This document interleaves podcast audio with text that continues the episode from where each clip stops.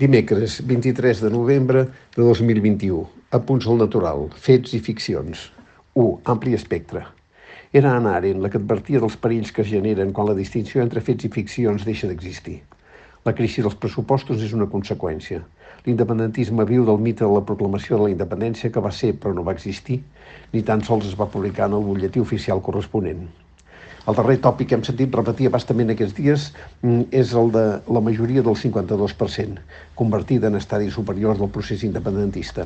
Certament hi va ser, i va servir per elegir el president aragonès després de fer-li gruar amb un joc de travetes indigne de la causa, indici de la precarietat de la coalició. Però aquesta majoria mítica es va fer en unes eleccions amb participació molt minsa, en què l'independentisme va perdre 700.000 vots. Malament rai quan el gran horitzó és a la baixa. Quan de la debilitat es fa virtut, vol dir que la distància entre realitat i ficció s'eixampla. És el que s'està veient des de que hem passat de la llarga ressaca de l'1 d'octubre a la lenta assumpció de l'entrada en un període en què queda molt per reteixir abans de poder pensar en noves embranzides. Els pressupostos eren una oportunitat d'encarar positivament un temps en què inevitablement aniran emergint diferències profundes i desacords estructurals entre els partits independentistes, com és propi d'un moviment transversal. Estem en fase de mutacions múltiples que no permeten badar sense risc de, desca de descarrilar.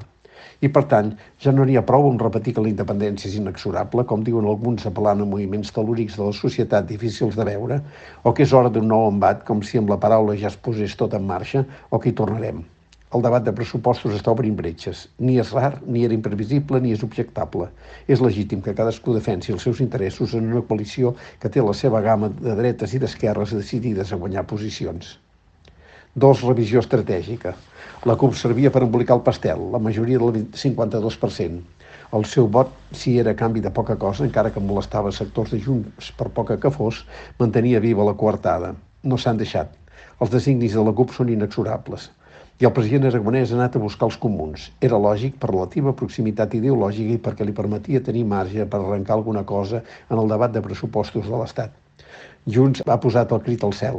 Ells, en cas d'emergència, preferien els socialistes que avui dia juguen a Catalunya el paper de gent d'ordre tant en matèria econòmica com política. Sigui dit entre parèntesi, no deixa de ser curiós, després del que s'ha arribat a dir sobre el populisme antisistema d'Unides Podem i dels comuns, que siguin els que estan apuntalant els governs tant a Espanya com aquí. A vegades, no sempre, els antisistema tenen més sentit comú que el sistema. De què ha servit tot això? Perquè es prengui consciència del que és obvi. A l'independentisme, com al conjunt de Catalunya, hi ha una diversitat d'interessos i de concepcions del món. Durant un temps semblava que el procés ho tapava tot i el joc es reduïa a la querella entre patriotes, unionistes i independentistes amb poc espai pels matisos. Però els interessos no es congelen indefinidament. El panorama es comença a clarificar. La dreta independentista, neoliberals i conservadors ja fa temps que dona senyals de vida i semblava que tard o d'hora Junts per Catalunya s'acabaria partint donada la diversitat ideològica. La pregunta és, hem d'entendre que el sector neoliberal s'està imposant dins del grup? En tot cas, seria bo que el president aragonès liderés una revisió estratègica ara que ja es fa evident que les tensions internes no cessaran. La rivalitat està a casa, els espais electorals es toquen i alguns tenen pressa. Només així s'entén que Artadi, membre destacada del soci de coalició, arremeti contra el president del, del seu govern. Podem esperar que el sentit de la responsabilitat ressorgeixi entre els interessos personals de cadascú i les ficcions que tot ho amaguen?